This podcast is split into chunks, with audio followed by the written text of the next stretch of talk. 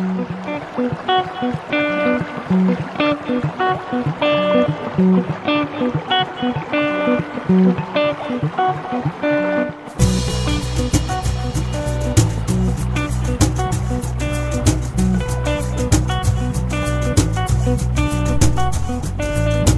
a víz a felhőket,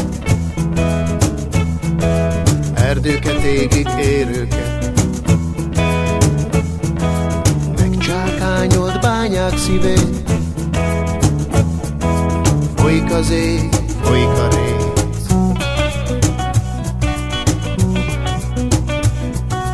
Viszi a víz a hegyormot,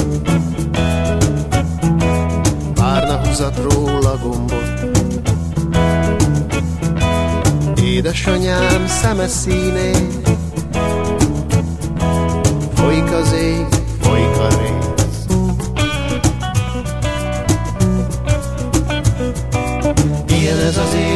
sodrás Megfeszítés és megoldás Ilyen ez az élet sodrás, megfeszítés és megoldás. Sziasztok és szép estét mindannyiuknak! Itt a Látszótér Rádió és a Látszótér Rádióban a cipzár. Az a cipzár, ami rendesen az én cipzáram, de most kivételesen a kettőnk cipzárja lett Pál Gabó barátnőmmel.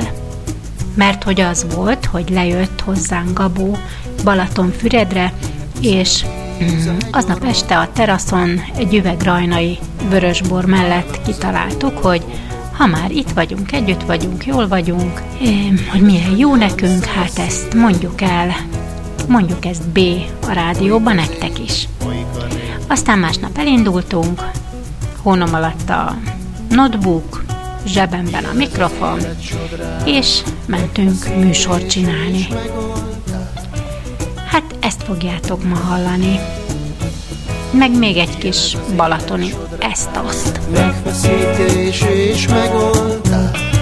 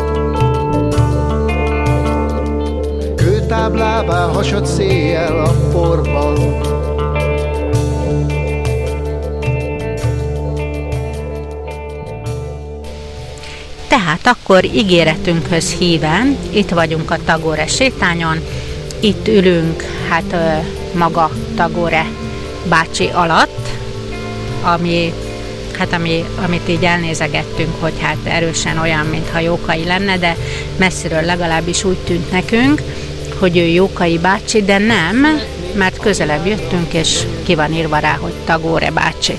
De a, és hát itt van a fa, amit ő maga ültetett 1926. november 8-án, abból az alkalomból, hogy hát itt meggyógyult Balatonfüreden a kórházban. Na, hát akkor most felolvassuk azt a, azt a kis szösszenetet, amit a faültetés emlékére, emlékére ide van vésve márványba. Gabót megkérem, hogy olvassa föl. Ha nem vagyok többé a földön, ó fám, susogtas tavasszal megújuló leveleid, az erre vándorlók felett, a költő szeretett, míg élt. Az a helyzet, hogy én körülbelül egy évig indológus akartam lenni valahogy úgy 13-14 éves koromban, és mindennek az volt az apropója, hogy drága szüleim a kezembe nyomták G. Hajnóci Rózsának a Bengáli Tűz című napló regényét.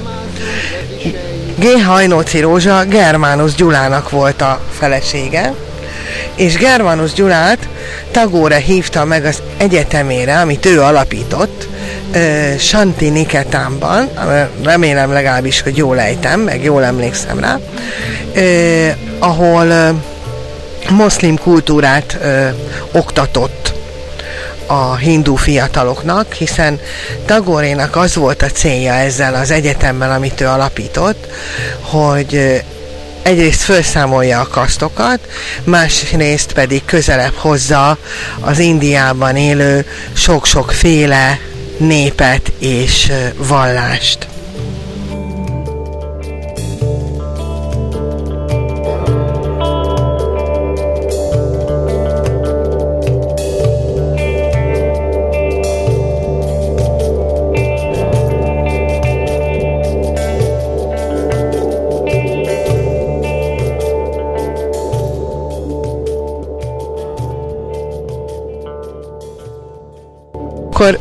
Egy kicsit a bengáli tűzről. Germánus Gyulát hívták az egyetemre, Hajnóci Rózsával, és 30, 1930 és 33 között uh, tanított Germánus Gyula az egyetemen, közben bejárták Indiát, 14 éves romantikus lelkű kamaszlányként olyan vágyaim voltak, hogy hajnalban szeretnék odaülni a Taj Mahal elé, és egész napot ülni addig, amíg fel nem jön a hold, mert ebben a könyvben azt olvastam, hogy a Taj Mahal minden napszakban más színű és pompázatosan ragyognak a falai. Úgyhogy nekem az első India élményem ez volt.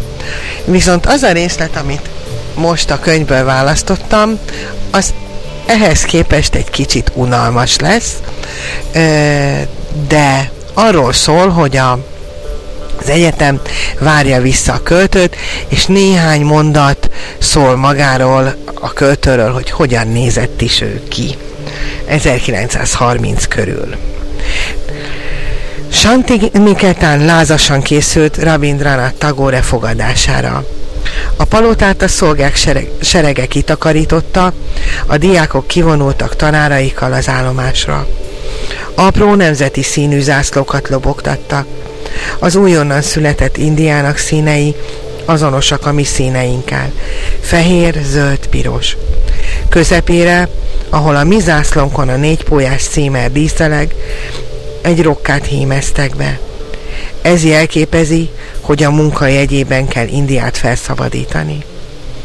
Amikor felvonultak az állomásra, szomorú dalt énekeltek. Ez a dal Tagor műve volt, a Santini-ketáni himnusz. Szövegét nem értettük, de a mélabús dallam szívbe markolt. Gyönyörű, őszhajú, szakállas férfi lépett ki a kocsiból. Magas, kisé hajlott termetét, hosszú fehér talár fette, bíborvörös süveg szorította le hullámos fülkeit. Napkeleti bölcs, proféta állt előttünk. Azt szeretném tőled kérdezni, hogy arra van-e utalás valahol, vagy tudjuk azt, hogy, hogy akkor ismerte meg Germanus Gyulát Tagor, mikor ugye Balatonfüreden tartózkodott, vagyis hát kórházban volt itt, vagy pedig hát vagy pedig a munkássága során valamiféle mit tudom én, egy akkori konferencián, vagy csak hallott róla, vagy, vagy személyesen is ismerte előtte, mielőtt az egyetemre meghívta. Ezt tudjuk-e? Vajon? Az az igazság, hogy nem a közelmúltban olvastam a könyvet utoljára. Tehát azt, hogy nekik Balatonfüreden volt-e valami kapcsolódásuk, azt nem rémlik.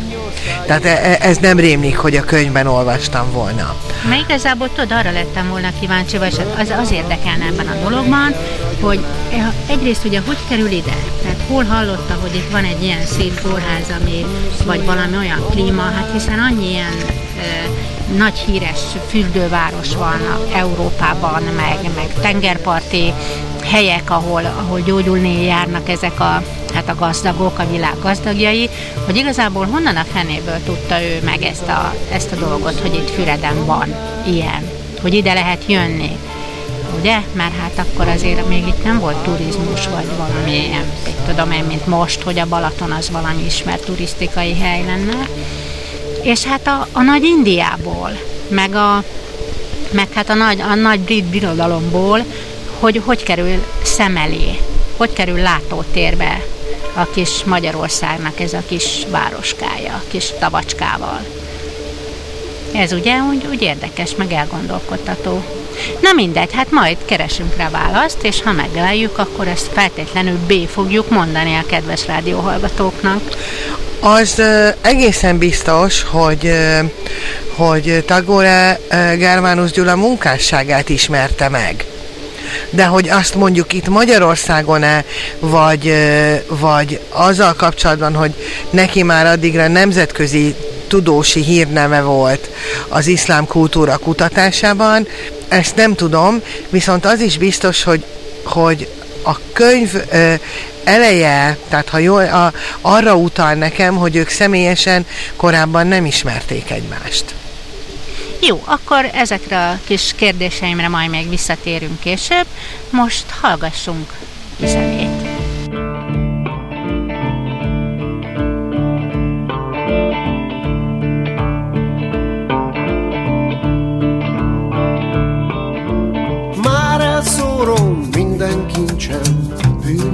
Csapra ver. Szívem mélyén szözbokorban erózt énekel. Már elszórom, eltékozlom, gyöngyvirág hajam. Csikó évek láng futása, most patkótalan.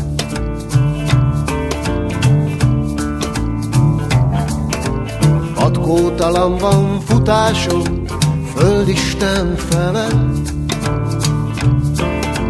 Isten ég alatt magamra keresztet vetett.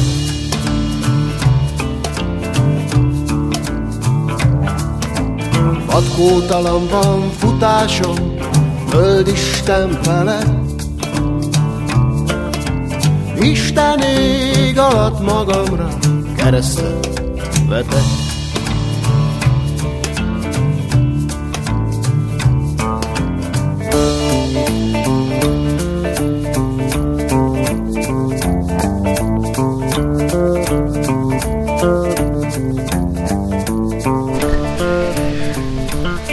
Rabindranath Tagore, vagy Tagor, őszintén szólva nem tudom, mind a két ö, módon hallottam már az ő nevét, bevallom nem lettem indológus, úgyhogy nem tudom, hogy hogyan kellene jól ejteni az ő nevét.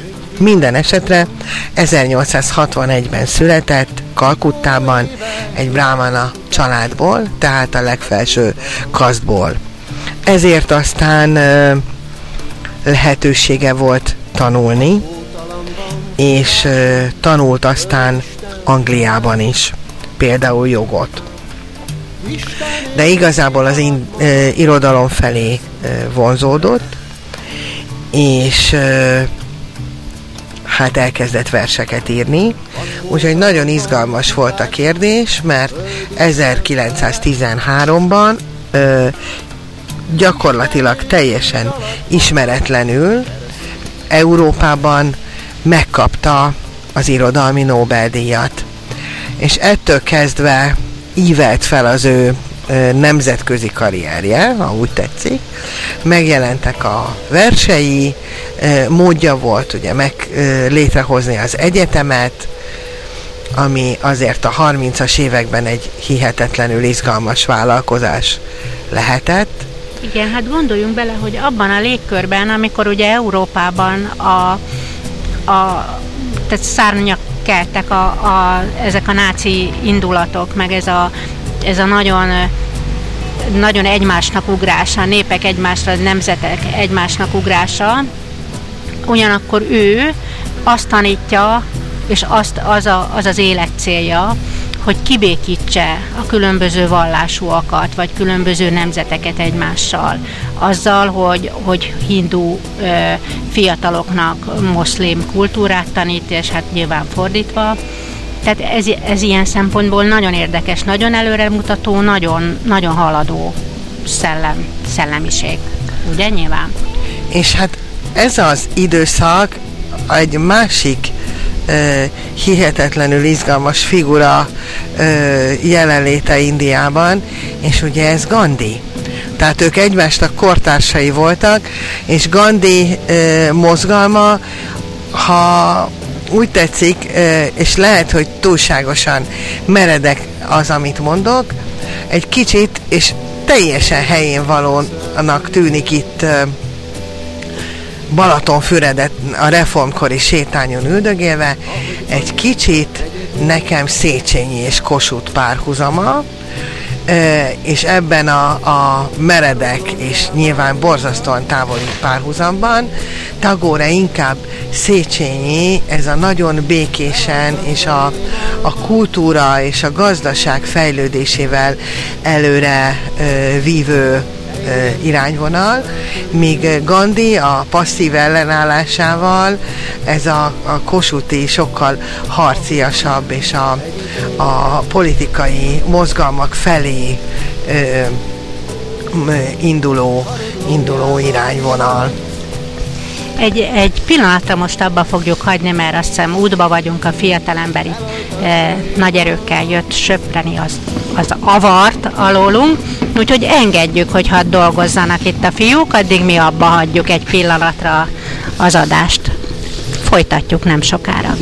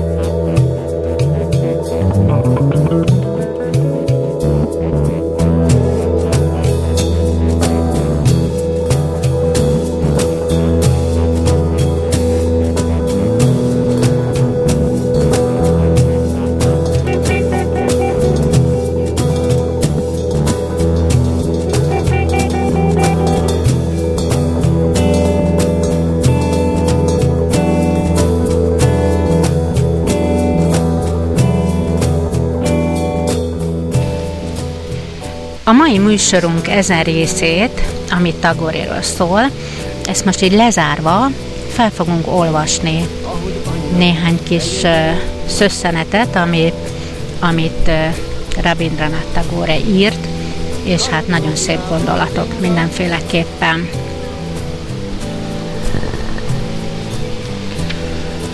Az áldozati ének című versből van a részlet.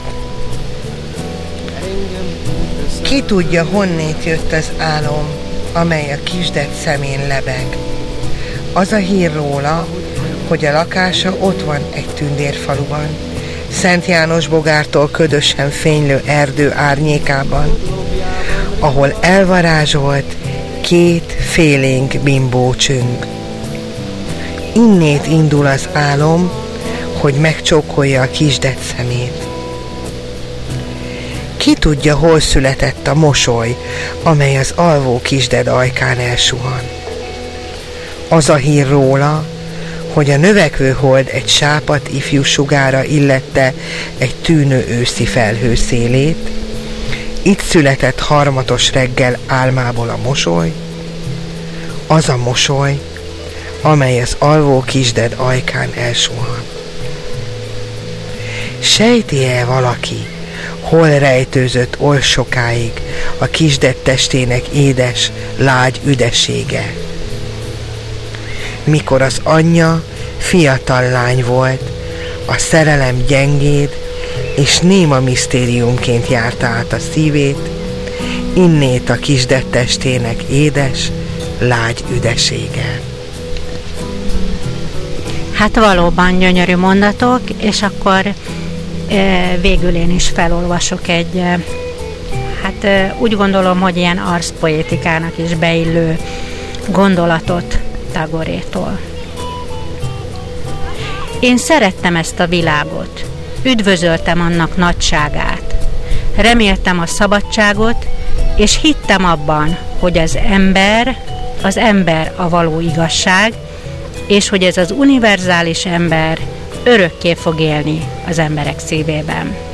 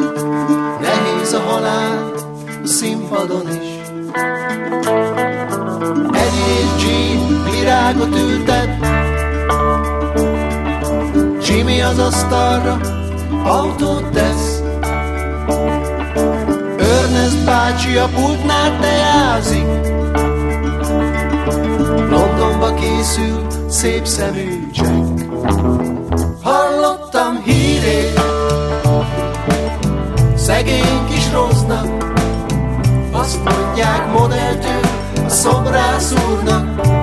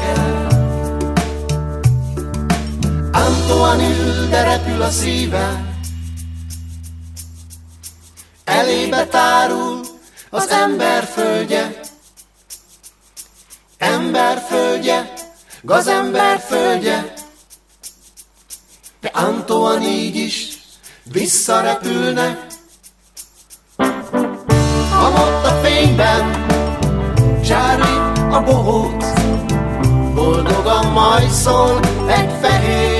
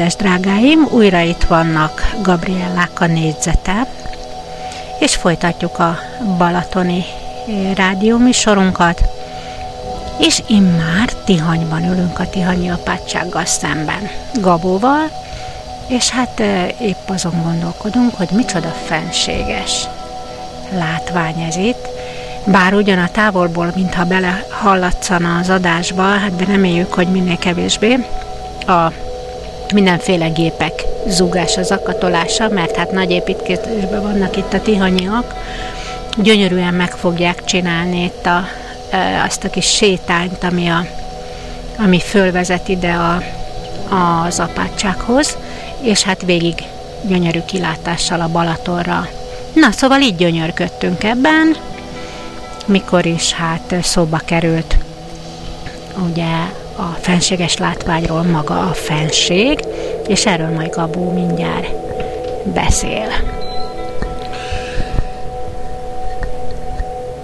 Gyulával elábrándoztam azon a látványon, ami itt az előbb a szemünk elé tárult, körben a csodás Balaton, hogy ha most itt lehámoznám innen ezeket az autókat, meg házakat, amiket körben itt a Balatonon parton látok, akkor megjelentek a szemem előtt hatalmas vízpartig nyúló erdőségek, mocsarak és egy egészen izgalmas vadregényes táj, és rögtön eszünkbe jutott a amikor ez a szó elhangzott, hogy felséges, hogy nyilván ezt látta első András királyunk is, aki itt van eltemetve a Tihanyi templomban.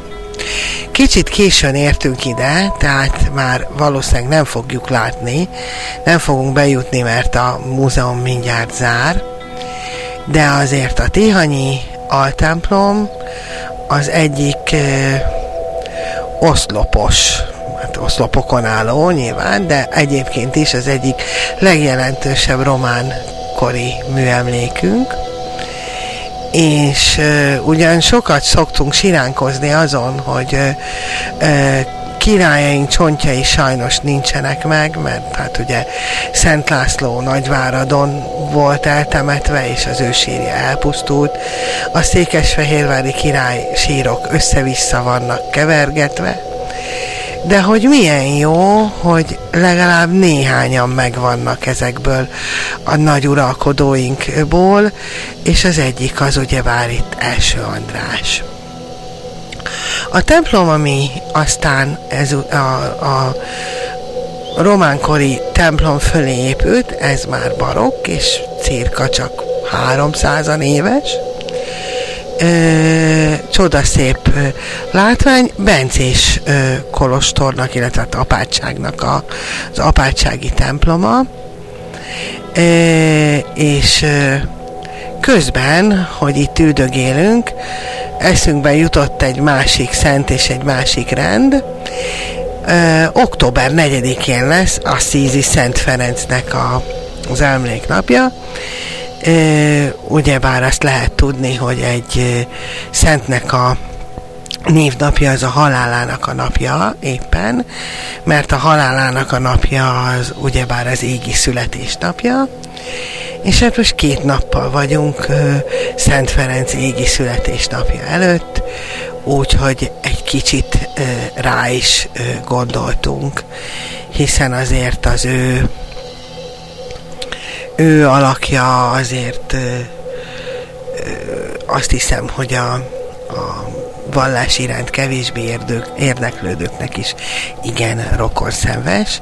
Én azt szoktam róla mondani, hogy ő az első zöld szent.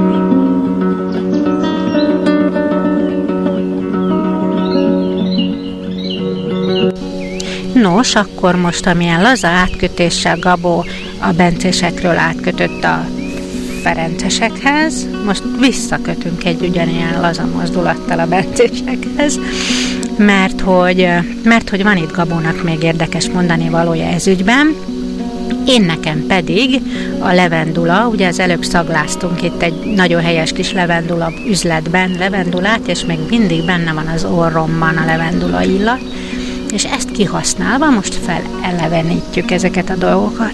Na, át is adom akkor a szót. Hát, ahogy említettem, megmondtuk is, mind a ketten, itt ülünk egy csodás barokk templom előtt.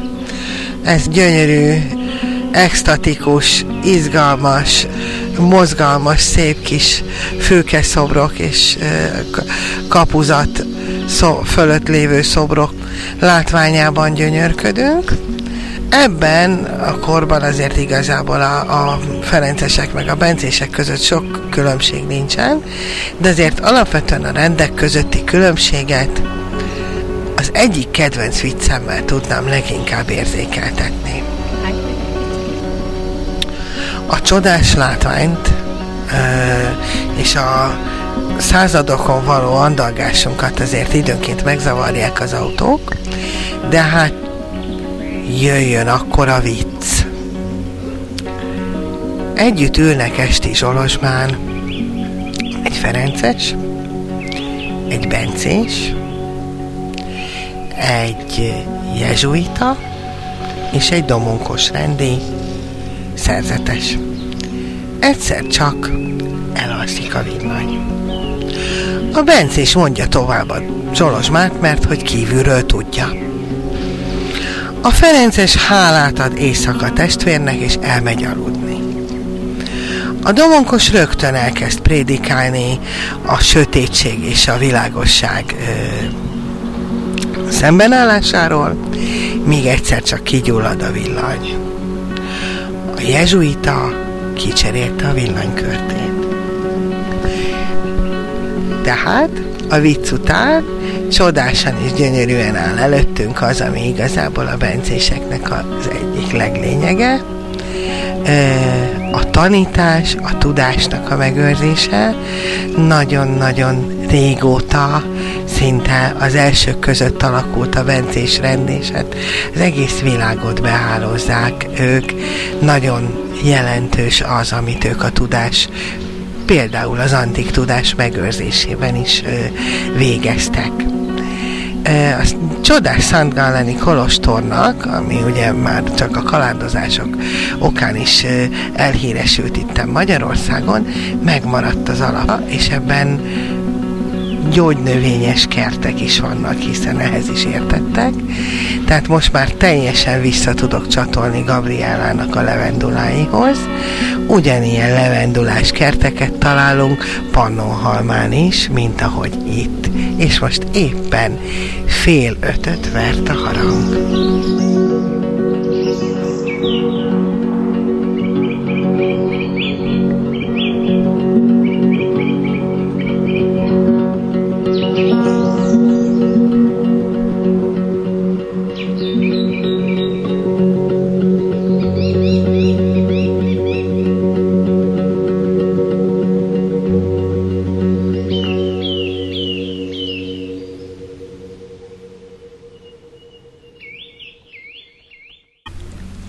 No, hát jól elbambultuk itt az időt, akkor most az fog következni, hogy az én régóta, szinte évtizedek óta kedvenc vendéglátóipari egységembe a Rege nevű helyre fogunk bemenni, és a teraszon fogunk, ha nyitva van a terasz, mert azért kicsit borús az idő, de ha nyitva van, akkor a teraszon megeszünk valami isteni finom süteményt, valami isteni finom itallal kísérve.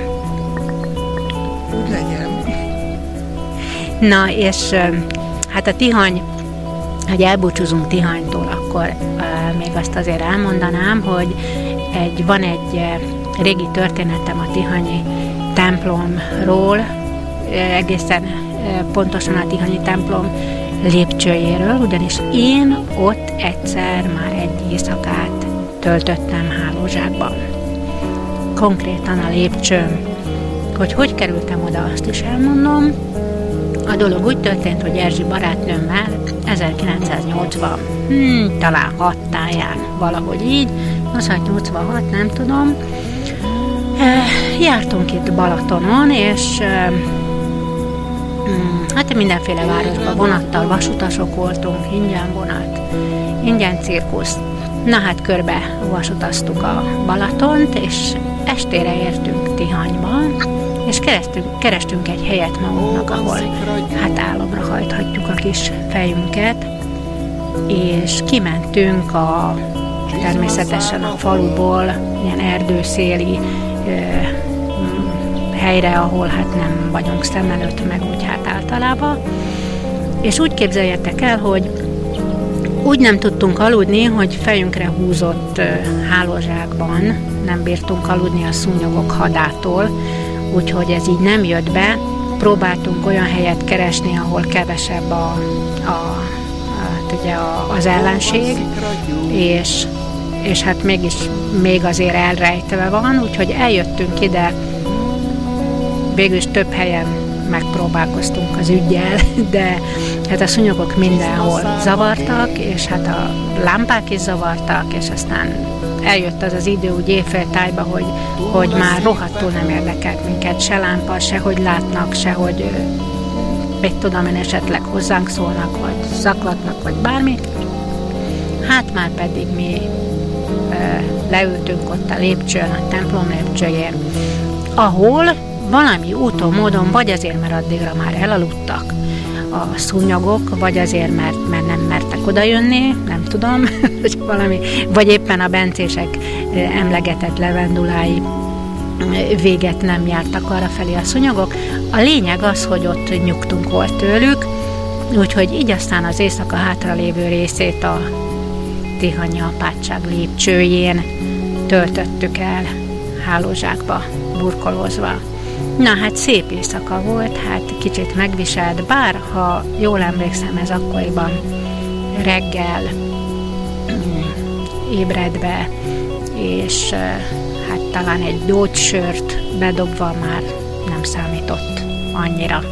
Hát ma már valószínű nem bírnám ki, hogy lépcsön, a lépcsőn alvást.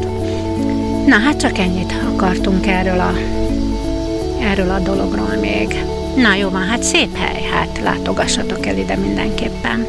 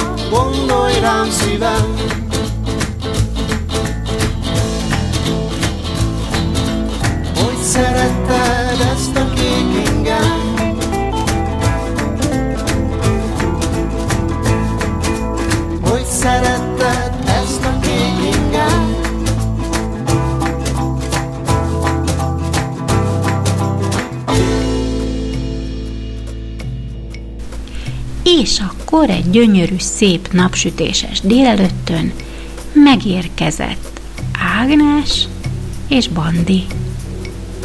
Rögtön fogtuk is szegényeket, és, és már vittük is, cincáltuk magunkkal mindenféle helyekre. Meg kellett nézniük, hogy azt is, hogy hol fogta Gyula a Tihanyi kikötőben nekem a csukát, aztán inni kellett nekik jeges kávét az én kedvenc balatoni cukrászdámba. Na és akkor itt jön az a rész, hogy a Gabriella kvíz, azt kell megmondani, hogy hogy hívják az én kedvenc balatoni cukrászdámat. Aki figyelt, azt tudni fogja,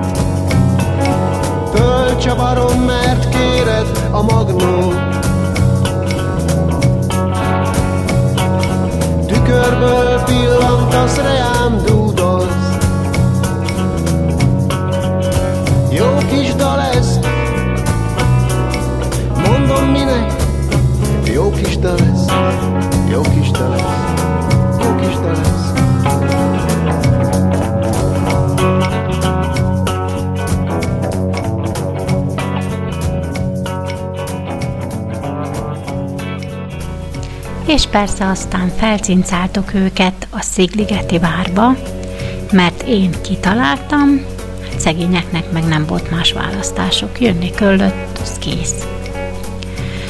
Aztán Szigligeten vacsoráltunk nagyon finomat, egy kis utána járással találtunk Ágnesnek egy olyan kocsmát, ahol adtak neki halászlét, de még hogy adtak, de mennyit?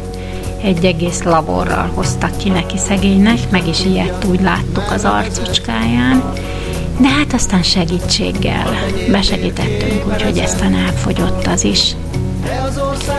Na hát jó volt persze.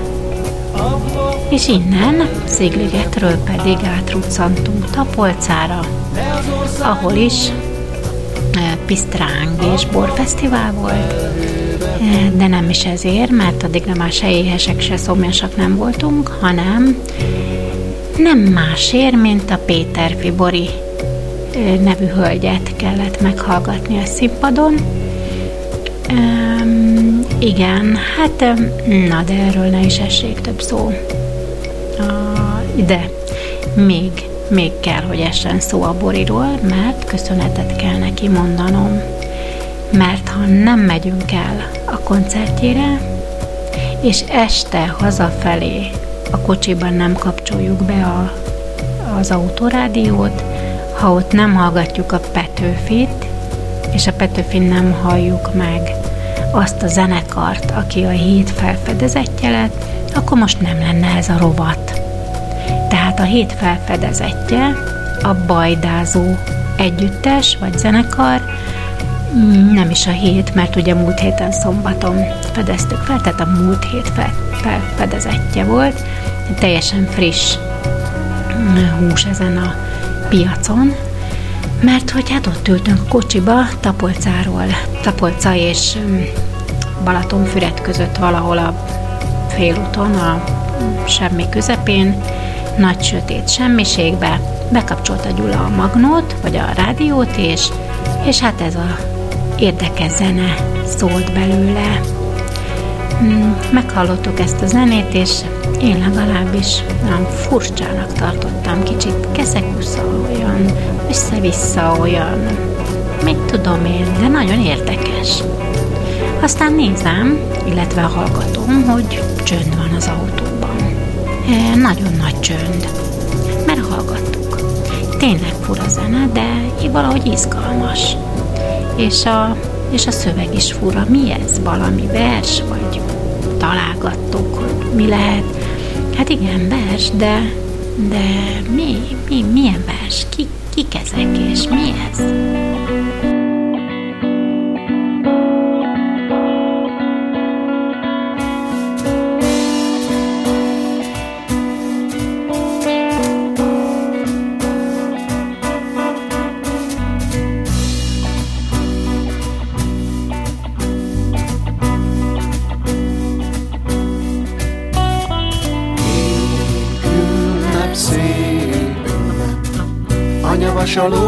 Csalójából kell. Nyikorog a bak, meg villem, farudaiból felsziszen Hatalmas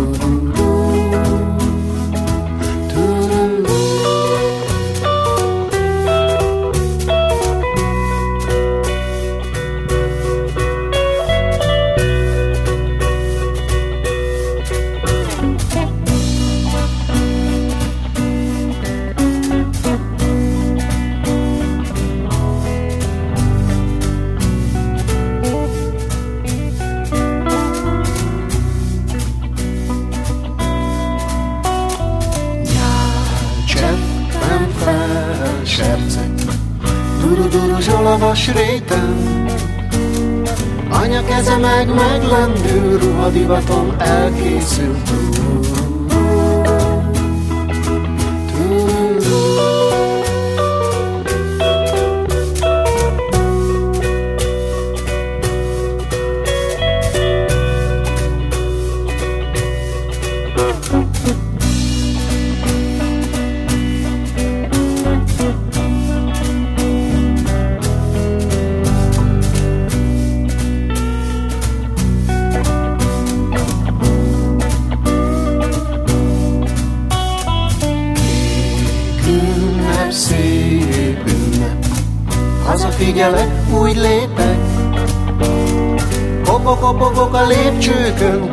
kopok-kopogok a felhőkön.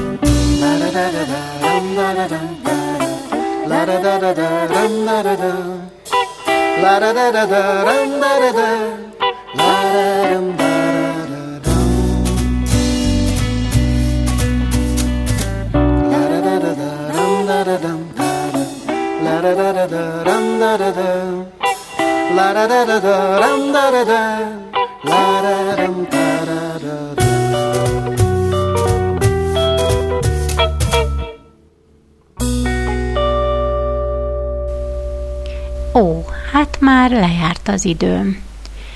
Úgyhogy nincs más hátra, mint a búcsúzás. Két hét múlva találkozunk, majd akkor is lesz valami. Hello!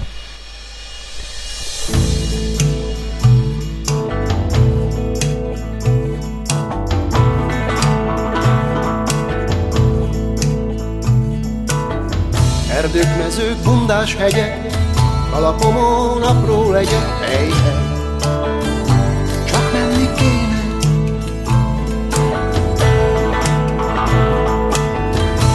Iharos föld, disznósárok, mint azok a nagy betyárok, hely, hely. Csak menni kéne.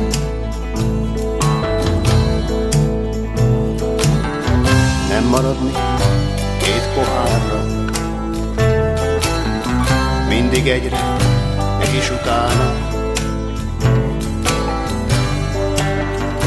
Csak menni kéne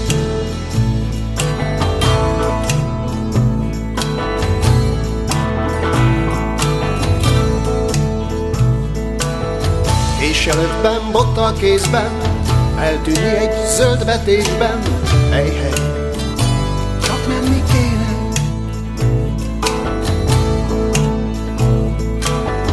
Kötni arra, kötni arra, mi az ember törni hajtja, hely, hely. Csak menni kéne.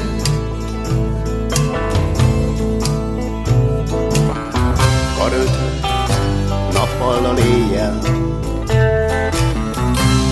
Istennel, a térzékkel. Csak menni kéne,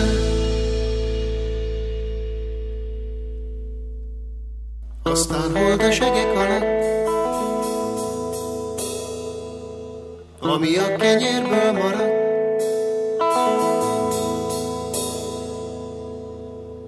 Kilökni egy toportjának, Hol a felhő járnak,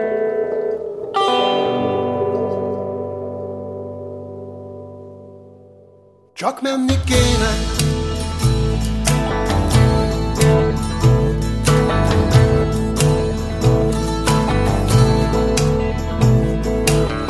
Aztán holdas egek alatt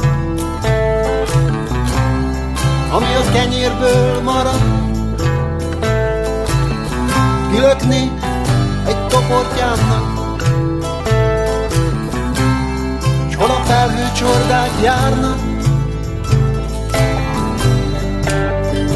Csak menni kéne